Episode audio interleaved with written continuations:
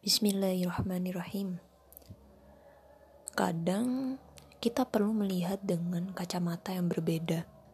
Kejadian-kejadian yang terjadi dalam hidup, suka atau enggak suka, kadang kita perlu melihat dengan kacamata yang jarang dipakai orang pada umumnya.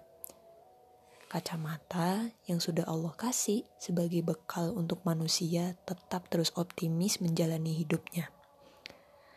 Kacamata ini bernama syukur dan sabar.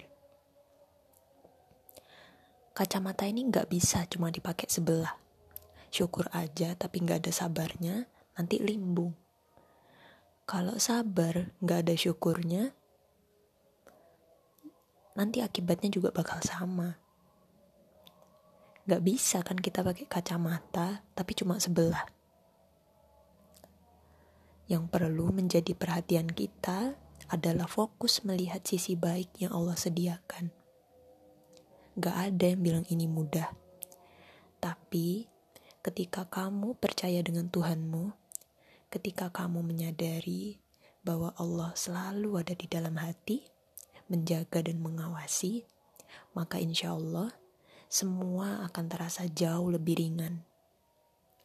Ringan yang gak bisa dinalar pakai akal kita.